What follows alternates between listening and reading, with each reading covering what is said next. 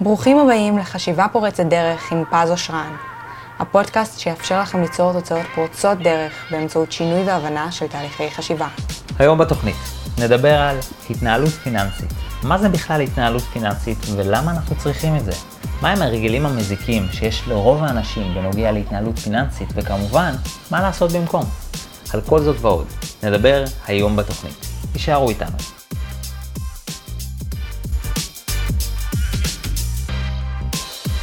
היי, חברים, מה שלומכם? ברוכים הבאים לפודקאסט חשיבה פורצת דרך. למי שלא מכיר אותי, למי שחדש, אז נעים מאוד. קוראים לי פז אושרן, אני מאסטר ומורה ל-NLP, בארצות הברית גם מאסטר בהיפנוזה. מחבר סדרת הספרים רבי המכר, איך להיות מגנט חברתי. יש לי בית ספר ל-NLP בתל אביב, קליניקה בראשון לציון, ואני מגיש לכם כאן את הפודקאסט הזה, חשיבה פורצת דרך, בכל יום שני ובכל הפלטפורמות. ולמי שוותיק, אז תודה שהצטרפתם או שחזרתם יותר נכון, תודה שאתם עוקבים, תודה על הלייקים, תודה על השיתופים, תודה על כל האהבה שאתם מרעיפים עליי כל פעם מחדש. ובדיוק אני תוהה לעצמי, מה פז, תגיד את זה כל פרק מחדש? התשובה היא כן, כי אם אתם באמת מרעיפים עליי אהבה כל פרק מחדש, למה שאני לא אביע הערכה כל פרק מחדש? ולכן אה, באמת האהבה שלכם ראויה, באמת ראויה להערכה, וכל השיתופים שלכם, כל פעם מצטרפים עוד אנשים חדשים שאומרים, שמע, שמעתי את הפודקאסט דרך זה, והוא המליץ, והוא, והוא, והוא הפנה אותי. ו... ואיכשהו אה, המעגל אה, מתרחב, וגם בדירוג בספוטיפיי אנחנו באמת עולים למקומות מאוד מכובדים ומרשימים. אז תודה לכם, זה באמת בזכותכם, נטו בזכותכם, לא היה קורה שום דבר פה בלעדיכם, כנראה שלא הייתי ממשיך לפרק שני בלעדיכם. על מה אנחנו הולכים לדבר היום? היום אנחנו הולכים לדבר על מה שנקרא התנהלות פיננסית, שזה בעצם איך אנחנו עובדים אה, עם הכסף שלנו. אני אקדים ואני אומר, אני לא יועץ, לא יועץ השקעות, לא יועץ אה, פנסיוני, לא יועץ פיננסי, לא שום יועץ כלכלי כזה או אחר, למרות שעולם הכלכלה מרתק אותי. הרבה פעמים עובר לי בראש שאם לא הייתי נלפיסט, כנראה הייתי כלכלן.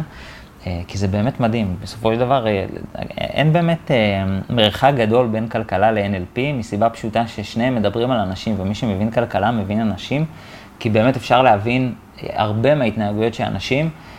דרך זה שמבינים כלכלה, אני מסתכל על גרפים ואפשר לראות מתי משהו עולה, מתי משהו יורד, וזה נטו להבין אנשים. הרי בסופו של דבר, דרך אגב, כשמניה כזו או אחרת עולה, היא לא באמת עולה כשהיא טובה.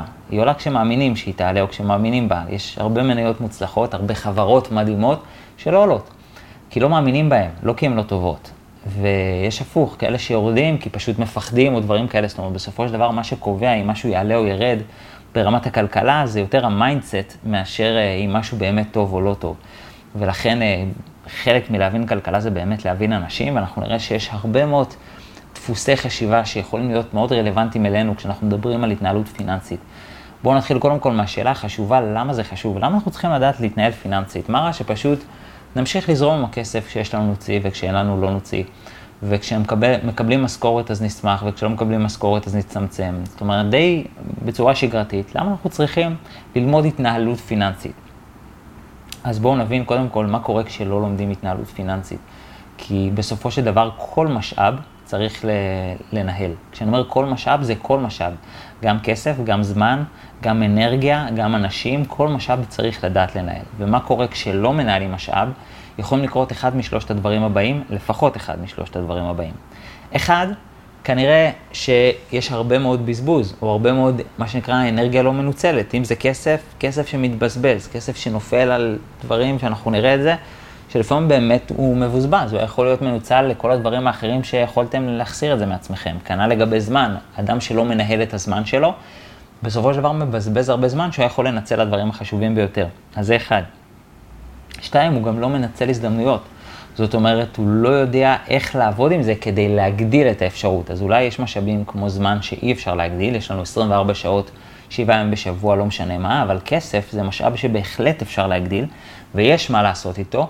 לא מחר בבוקר, אבל בטווח הרחוק, בוודאי שאפשר. זאת אומרת, ההתנהלות שיש לכם עכשיו, או יותר נכון, המצב הפיננסי שאתם נמצאים בו עכשיו, הוא נגזרת של ההתנהלות שלכם בשנים האחרונות. מה שאומר שהמצב הפיננסי שלכם עוד כמה שנים, הוא הנגזרת של ההתנהלות שלכם מהיום בכמה שנים הבאות. ולכן ברגע שאנחנו רוצים, או אנחנו בשאיפה להגדיל את העוגה, להגדיל את המצב, את ההכנסה שלנו, אנחנו מבינים שזה נטו עניין של התנהלות, ו, ובאמת התנהלות תקינה או התנהלות נכונה פיננסית, אה, תיצור לנו מצב הרבה יותר טוב שתאפשר לנו יותר גם בעתיד. שוב, כשאני אומר עתיד זה לא עוד כמה שעות או לא עוד שבוע הבא, אלא זה בדרך כלל נגזרת של לפחות, לפחות חודשים, שנים, ויש אנשים שגם מציירים תוכניות של עשרות שנים וכן הלאה. דבר שלישי, הסיבה שצריך לנהל אה, כסף, זה כמובן גם כדי לוודא שאנחנו משיגים את המטרות שלנו. זאת אומרת, לא הרבה שואלים את עצמם, למה אני צריך כסף?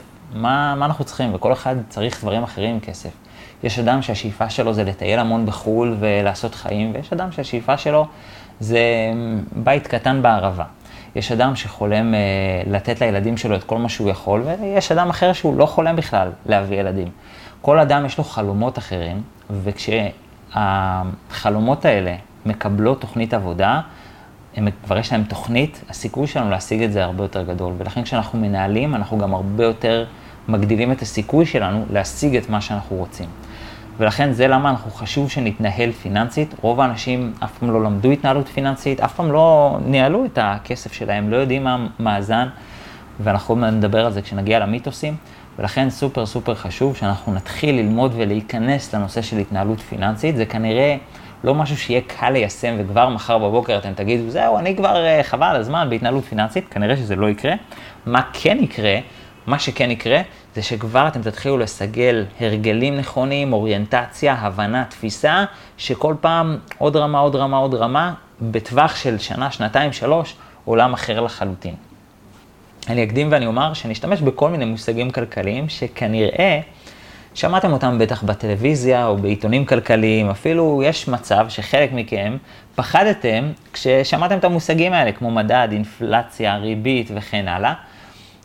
מה שאני מבקש מכם בפרק הזה, זה לשחרר את כל החוויות הקודמות שלכם, אה, מסיבה פשוטה שאני לוקח על עצמי את האתגר, לקחת את כל המושגים המפחידים האלה ולהוריד אותם לקרקע. ממש להסביר אותם כמו שמסבירים לתינוק, שהם לא, יפ... לא יפחידו אף תינוק. ולכן גם אם באוטומט עולה לכם פחד, אני אומר מילה כמו אה, המדד אה, או, והאינפלציה, והאוטומט זה, אימא'לה, איזה מושגים, תסבכת אותי, שחררו רגע את האוטומט הזה, תשחררו את התפיסה ואת החוויות הקודמות, תתמסרו באמת לפרק הזה, לכל מה שהוא יכול להציע, קחו כמה נשימות עמוקות, אני בטוח שתוך דקה, שתי דקות, שלוש דקות, ההסברים שלי יוכלו לכסות את כל הערפל, או, או לפזר את הערפל יותר נכון, ככה שהדברים יהיו סופר ברורים, גם הכותרת שלהם או המושג שלהם היה נהוג, אה, נהג להפחיד אתכם. לכן אה, אל תנהלו אם אתם שומעים מושג אה, שהפחיד אתכם בעבר, באמת תאפשרו לעצמכם לבוא פתוחים לכל מושג חדש, ואנחנו נתחיל קודם כל בלהבין מושגים, כי זה האלף-בית של, שלנו. בואו נבין קודם כל מה זה עשיר. מה זה עשיר? תחשבו על זה רגע. כשאני אומר לכם, יש אדם שהוא עשיר, מה זה עשיר?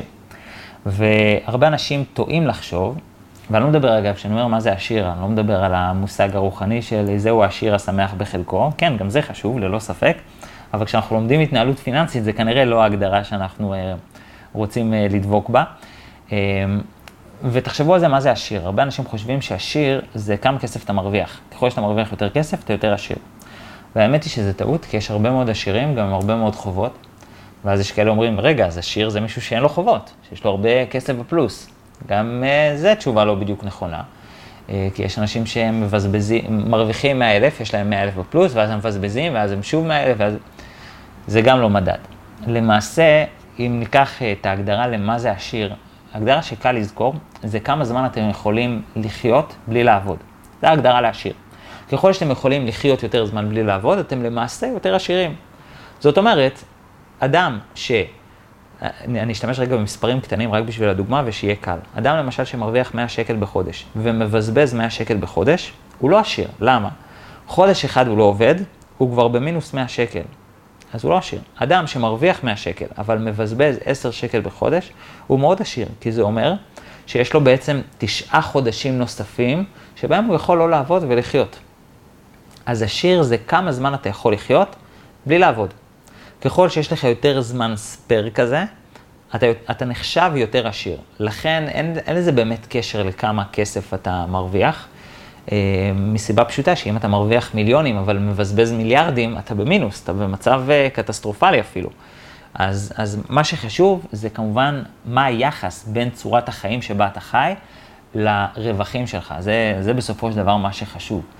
ולכן עשיר, אם אנחנו נ, נקביל את זה או נתרגם את זה למושג לגמרי לגמרי פשוט, זה כמה זמן אתם יכולים לחיות בלי לעבוד. ואנחנו אגב יכולים לראות את זה בקורונה, יש אנשים אומרים להם לא לעבוד חודשיים, שלושה, ארבעה, חמישה חודשים, קריסה. יש אנשים אומרים לא, לא לעבוד חמישה חודשים, בסדר, בקטנה, הכל טוב. אז אה, זה נקרא עשיר, ואגב, לא בטוח שזה בהכרח באמת עניין של אה, הוא יש לו יותר כסף מאחר, אלא הרבה פעמים זה באמת עניין של התנהלות, והתנהלות בין היתר מביאה לאושר, אנחנו נדבר על זה בהרגלים בהמשך. מה זה אני? כשאתם חושבים על המילה אני, מה זה אני? אני בכותרת הפשוטה או בהסבר הפשוט, זה בעצם כמה הצרכים שלי, כמה מהצרכים שלי אני יכול לספק. ככל שאני יכול לספק יותר צרכים, ככה אני פחות עני. ככל שיש לי יותר צרכים לא מסופקים, והצרכים גם אפילו הם יותר בסיסיים, כמו אה, מקום לישון בו, אוכל וכן הלאה, ככה אני נחשב יותר עני. זה המושגים הפשוטים. הפשוטים. אה, עוד איזשהו מושג קטן בכלכלה, הרבה אנשים חושבים שככל שאני עושה יותר כסף, אני בעצם לוקח לאחר, אני לוקח למישהו אחר, וזו טעות לחשוב ככה. זאת אומרת, תחשבו על זה, יש אנשים שממש מפחדים לעשות יותר כסף, יש איזשהו פחד לא מודע. אגב, הרבה אנשים שבאים אליי לייעוץ עסקי, אה, אני ממש עובד על הרבה מאוד אה, אה, אמונות שנמצאות בתת המודע, תפיסות שנמצאות בתת המודע, שמחבלות להם ביכולת לעשות כסף. ובאמת זה אחד הפחדים, שרגע, אם מישהו שילם לי עכשיו אלף שקל, אז הוא בעצם נשאר עם פחות אלף שקל, ואני מקבל יותר אלף שקל, ולא נעים לי לקחת לו. אז אנשים חושבים שככל שהם עושים יותר כסף, אז הם נשארים עם פחות. שזה אגב לא נכון. למה זה לא נכון ומה ההיגיון? כי אפשר לראות שכמות הכסף בעולם תמיד עולה.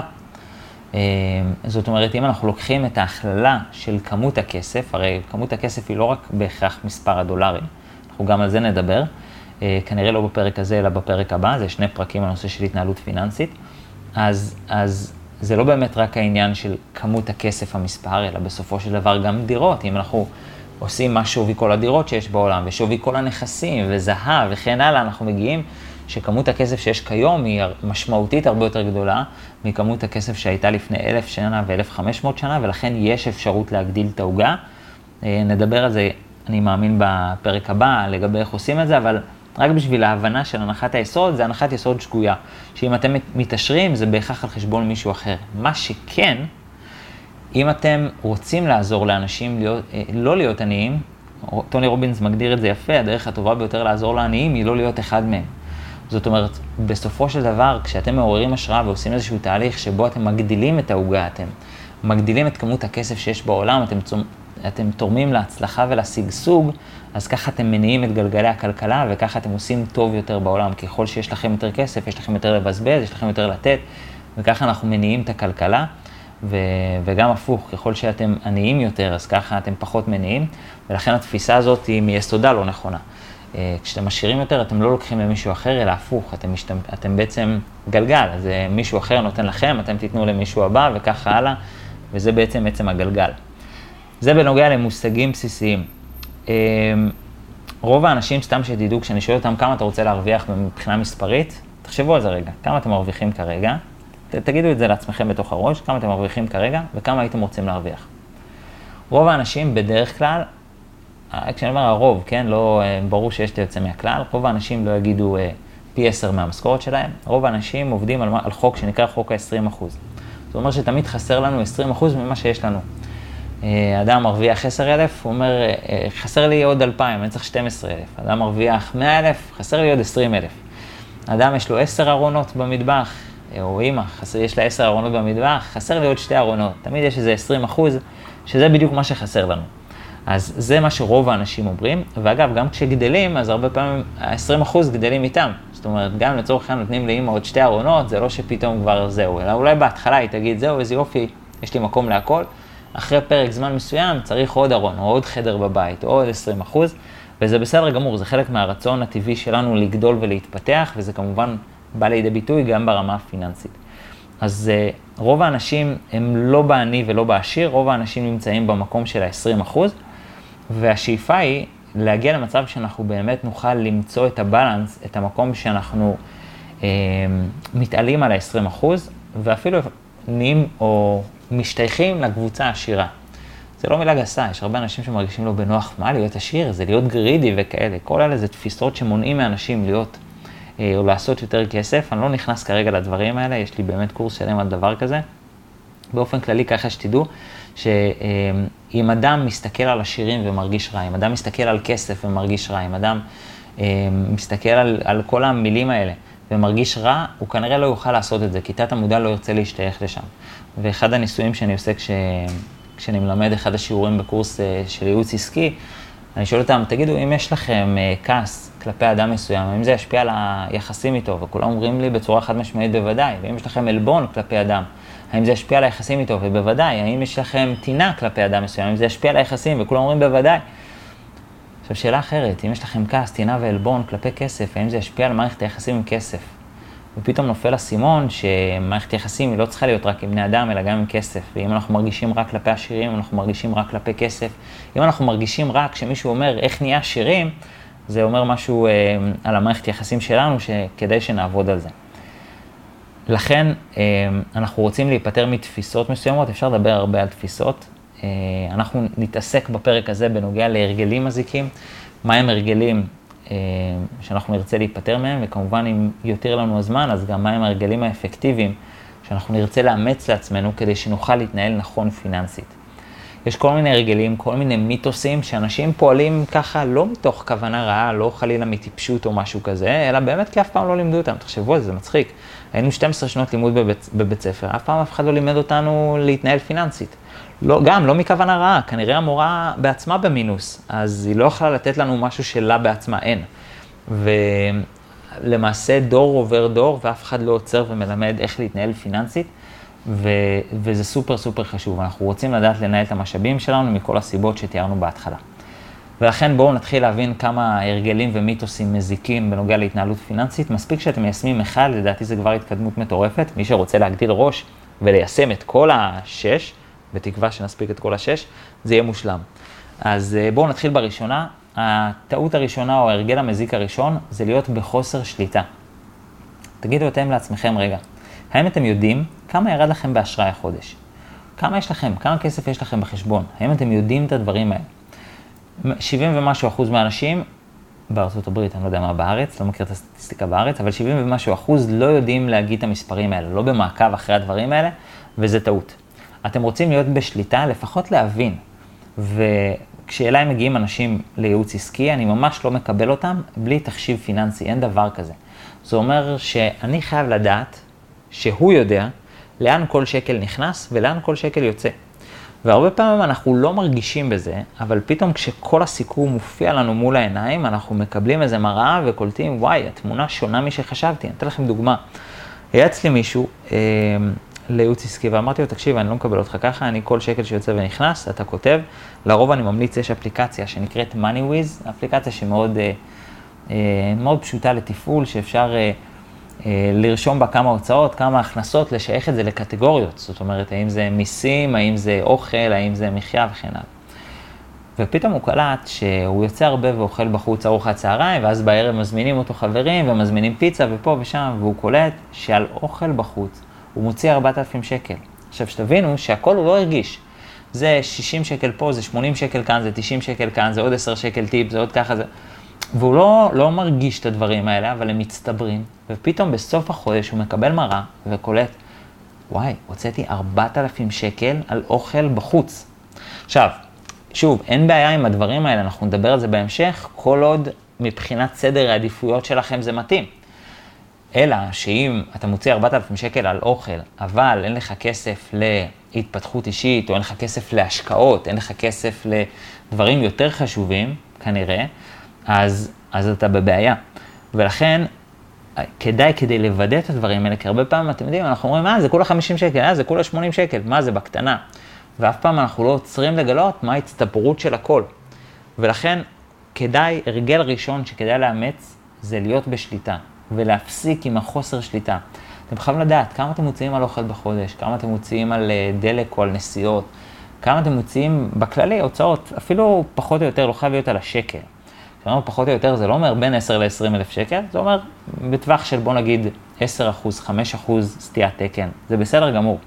אז כדאי שתהיו בשליטה על הדברים האלה, כי אז אתם מוודאים שה... ההתנהלות הפיננסית שלכם תואמת לסדר העדיפויות שלכם. זה משפט חשוב, אני אגיד אותו שוב. אתם חייבים לוודא שההתנהלות הפיננסית שלכם תואמת לסדר העדיפויות שלכם. כי בסופו של דבר כל משאב מייצג סדר עדיפויות. גם הזמן שלכם מייצג את סדר העדיפויות שלכם. מה הכי חשוב לכם זה מה שאתם תקדישו לו זמן, מה הכי פחות חשוב לכם זה משהו שאולי תמצאו לו זמן. וכסף זה אותו דבר. מה הכי חשוב לכם לעשות עם הכסף, ומה הכי פחות חשוב לכם? והאם ההתנהלות הפיננסית שאתם מתנהלים בה כרגע מייצגת את זה, כן או לא? לא כולם יודעים לענות על זה, ובשביל זה אנחנו חייבים להיות בבקרה כדי לדעת את זה. ולכן, כדאי להיות בשליטה ובהבנה על, על ההתנהלות הפיננסית שלכם. רק להתחיל לדעת, עוד לא, לא אומר לעשות שינויים. שלב ראשון זה להתחיל להבין ולהכיר. כמה יורד לכם באשראי, כמה, מה מצב חשבון הבנק שלכם, כמה כסף כרגע נמצא שם, אה, על מה הוצאתם בערך, על מה הוצאתם מבחינת החלוקה, על מה הכי הרבה, מה, מה מקום שני, מה הכי פחות וכן הלאה. אה, האם יש עוד מקורות הכנסה, להתחיל להכיר את הדברים האלה. זה הרגל ראשון. הרגל שני, שהוא גם יחסית קל ליישום, אבל הוא סופר משמעותי, זה להפסיק לקנות דברים מיותרים. הרבה, הרבה מאיתנו קונים דברים מתוך חשק, מתוך אה, איזה יופי, מתוך הידלקות, מתוך תרפיה לפעמים. אה, ויש אה, מבצע, אז בואו נקנה, ולפעמים לא צריך. אנשים הולכים לסופר, רואים מבצע, 2 פלוס 2. אה, שווה, אני קונה את המוצר הזה גם ככה. מה הבעיה? שקצב השימוש שלך במוצר הוא כנראה לא כזה גדול, ככה שכנראה שתיים יזרקו לפח. ואז סתם קנית שתיים נוספים. סתם קנית שתיים עכשיו, חבל. זרקת עכשיו שתיים, וכנראה גם היית בלחץ לסיים את השתיים שכבר סיימת. אז, אז אל תקנו סתם דברים, אלא תהיו באמת בבקרה של מה שאתם קונים. למה אתם קונים בכלל את מה שאתם קונים? האם זה בגלל תרפיה, האם זה כדי להרגיש טוב, האם סתם כי אתם מתלהבים? אני כן יכול להגיד לכם שלי הייתה תרופה, אני זוכר את זה, שמצאתי אצלי בבית דברים שקניתי ולא השתמשתי בהם.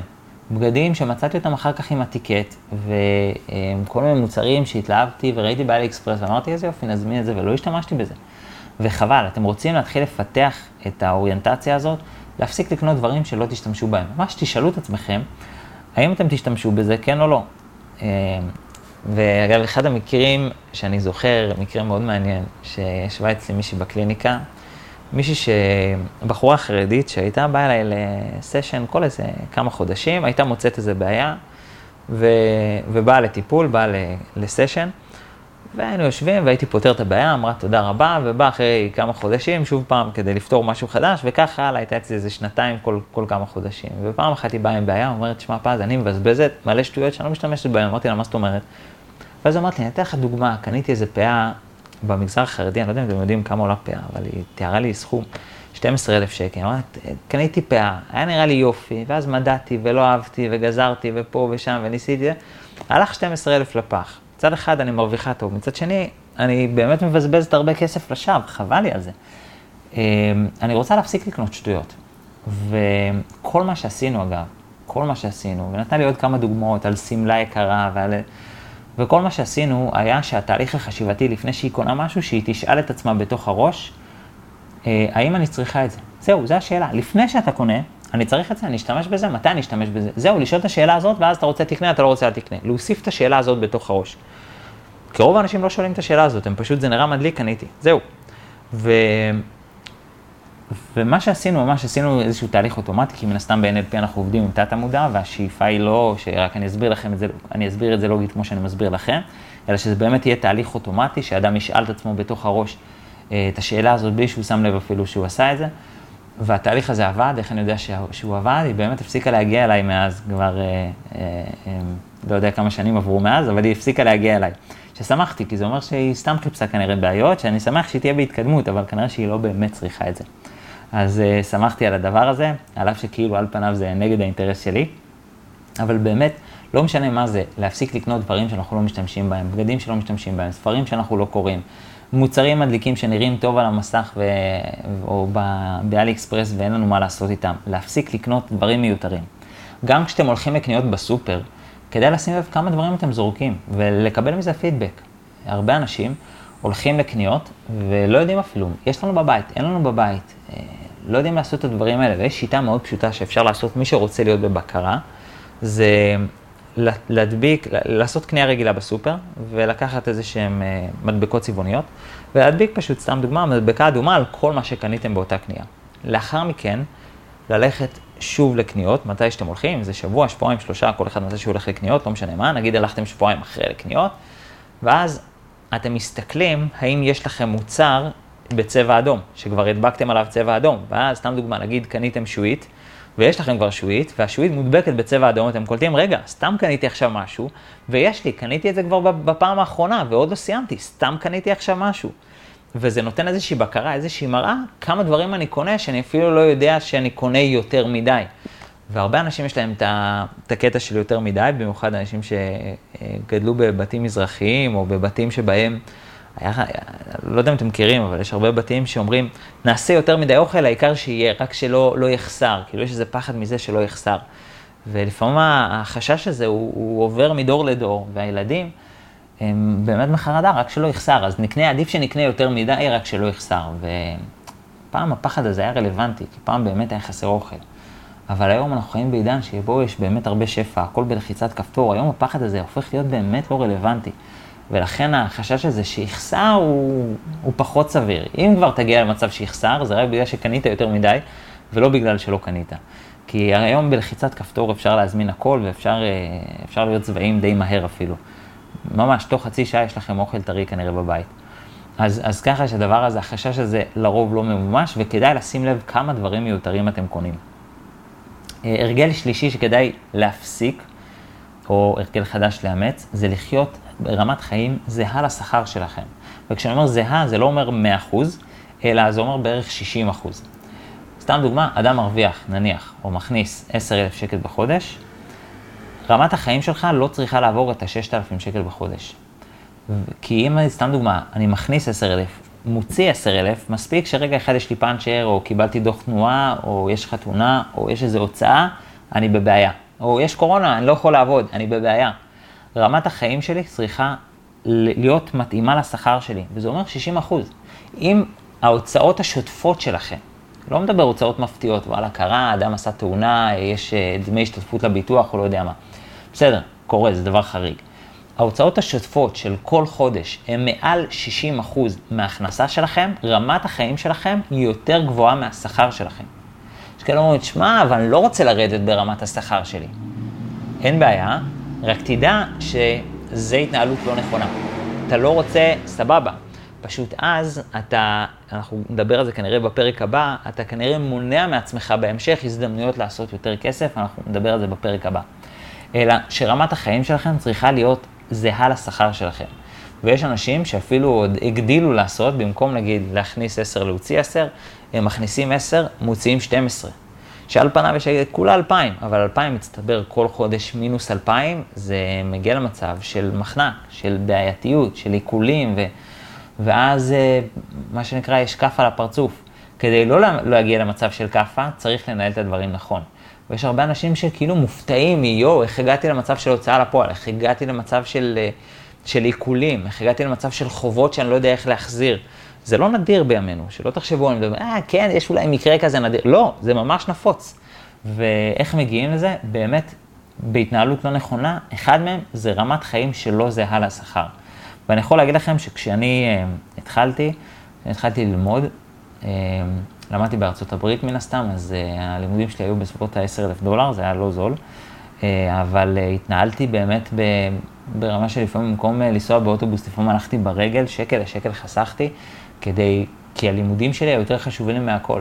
זאת אומרת, היה יותר חשוב לי ללמוד את מה שרציתי ללמוד, מאשר אה, שאני אוכל להתפנק במסעדה, או שאני אוכל להתפנק בנסיעה במונית, או לא יודע מה. זאת אומרת, באמת דאגתי להתנהל ככה שרמת החיים אה, תהיה זהה לרמת השכר שלי. השאיפה היא כמובן, שכל הפעולות שאתם עושים היום יגדילו את השכר שלכם, ואז תוכלו לעלות ברמת החיים שלכם. זאת אומרת, מי שרוצה לעלות ברמת החיים, זה לא לחרוג מה-60 אלא זה להגדיל הכנסה. איך מגדילים הכנסה, אנחנו נדבר שבוע הבא. אבל באופן כללי, רמת החיים שלכם צריכה להיות זהה לשכר שלכם. זה היה מבחינת 60 מהשכר. אז, אז שימו לב לדבר הזה. דבר רביעי ואחרון, מיתוס אה, מאוד מאוד נפוץ, זה שאנשים חושבים לעצמם ומתכננים להתפרנס רק מעבודה. זה טעות. זה טעות להתפרנס רק מהעבודה, במיוחד במאה ה-21, שכנראה יש סיכוי מאוד גבוה שחלק מהעבודות יהיו לא רלוונטיות מחר. אה, פעם, כשאני הייתי נכנס לחניון, היה איזה שומר בבודקה שאומר לי 40 שקל או 20 שקל בבקשה, הייתי נותן לו 20 שקל ונכנס לי. היום, לא זוכר מתי ראיתי חניון שיש בו, שיש בו שומר. היום בדרך כלל זה איזה מדחן כזה שמכניסים בו אה, כרטיס אשראי והוא כבר לבד מוציא פלט של כמה צריך לשלם. יש הרבה מקצועות שהם מוכחדים, שכבר אין בהם שימוש, גם הפוך. יש הרבה מקצועות חדשים. פעם לא היה מקצוע כמו NLPיסט, כן, כמו המקצוע שלי, פעם לא היה יוטיובר או בלוגר או לא יודע, כל מיני מקצועות שקיימים היום. פעם דברים לא היו שימושיים, ולכן אסור לנו לבנות על זה שנתפרנס רק מעבודה. אנחנו חייבים שיהיה לנו מקורות הכנסה נוספים, או לשאוף, או לבנות. כמובן, לבנות מקור הכנסה נוסף זה לא מהיום למחר, זה עניין של בנייה, ועצה חשובה, אל תאמינו לכל הפרסומות באינטרנט שמבטיחים לכם כסף מהיר ובוא תתעשר ברגע. אין דבר כזה, עזבו אתכם, לא מתעשרים ברגע. וגם כל הדברים האלה שנראה שמתעשרים ברגע, לא באמת מתעשרים ברגע, ואני יכול להוכיח את זה כל פעם מחדש אני מוכיח. יש אנשים שאומרים לי, תשמע פז, אם אני הייתי משקיע בביטקוין לפני עשר שנים, אני הייתי מיליונר. ואני כל פעם מחדש מוכיח את זה, שגם אתה היית משקיע בביטקוין לפני עשר שנים, אתה לא היית מיליונר. ואנשים אומרים מה זאת אומרת, למה לא? ואני מוכיח את זה כל פעם מחדש. ואני שומע הכל בתוך הראש של אנשים שאומרים בטח, מה, מה, תוכיח לנו עכשיו. אני אוכיח. אני לא זוכר את המסלול המיידי, רגע, אני אכנס לזה עכשיו. סימולטנית בזמן שאני מדבר איתכם, ואני אוכיח לכם, גם אם הייתם משקיעים נגיד בביטקוין, שנכון להיום, לרגע ההקלטה הזה עומד בסביבות על 10,000 דולר, התחיל פעם מאיזה אגורה. אמ, גם אם הייתם משקיעים בביטקוין על ההתחלה, כנראה שלא הייתם עשירים היום, אני אוכיח לכם את הדבר הזה, בסדר? אמ, ביטקוין התחיל את דרכו, בואו נגיד באגורה, בסנט יותר נכון, ואז עלה ל-13 סנט, אז בואו נניח הייתם שמים אלף דולר, ואז כי יש לכם 13 אלף דולר. לא הייתם מוציאים, פתאום וואי, סתם זרקתי אלף דולר, פתאום יש לי 13 אלף דולר, לא הייתם מוציאים, יש כאלה אומרים, לא, מה פתאום, הייתי משאיר לטווח רחוק. אחרי שהוא הגיע ל-13 סנט, הוא צנח לסביבות ה-3 או 4 סנט, או אני לא זוכר את הסכום המדויק, 3 או 4 סנט. לא היית מוציא, כולם אמרו לך, תשמע, תוציא, תראה, כבר הפסדת הכל, היה לך 13 אלף. לא תוציא, תוציא עכשיו, מהר, זה הולך לקרוס, מי, מה זה הביטקוין, מה זה השטויות האלה?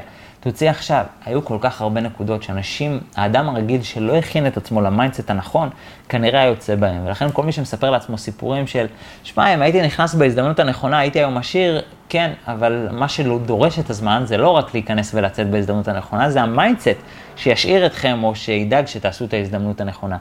ולכן אה, זה לא באמת רק ה mindset, זה, זה לא רק ההזדמנות הנכונה, זה לא רק הייתי משקיע בביטקוין לפני עשר שנים, וכן הלאה. לכן, אה, בסופו של דבר, השורה התחתונה, אל תצפו להתפרנס רק מעבודה. באמת באמת חשוב, תחשבו לעצמכם איך אתם יכולים להגדיל את מקורות ההכנסה שלכם. ככל שיהיה לכם יותר מקורות הכנסה, יותר טוב. גם נותן לכם, נותן לכם יותר ביטחון. זאת אומרת, נניח, סתם דוגמה, כן, רק דוגמה. יש לכם אה, דירה שמניבה לכם אה, סכום מסוים של כסף כל חודש, אתם משכירים אותה, וזה נותן לכם נניח 3,000 שקל בחודש, ואתם, לא, ואתם גם עובדים, זה נותן לכם עוד 8,000 שקל בחודש.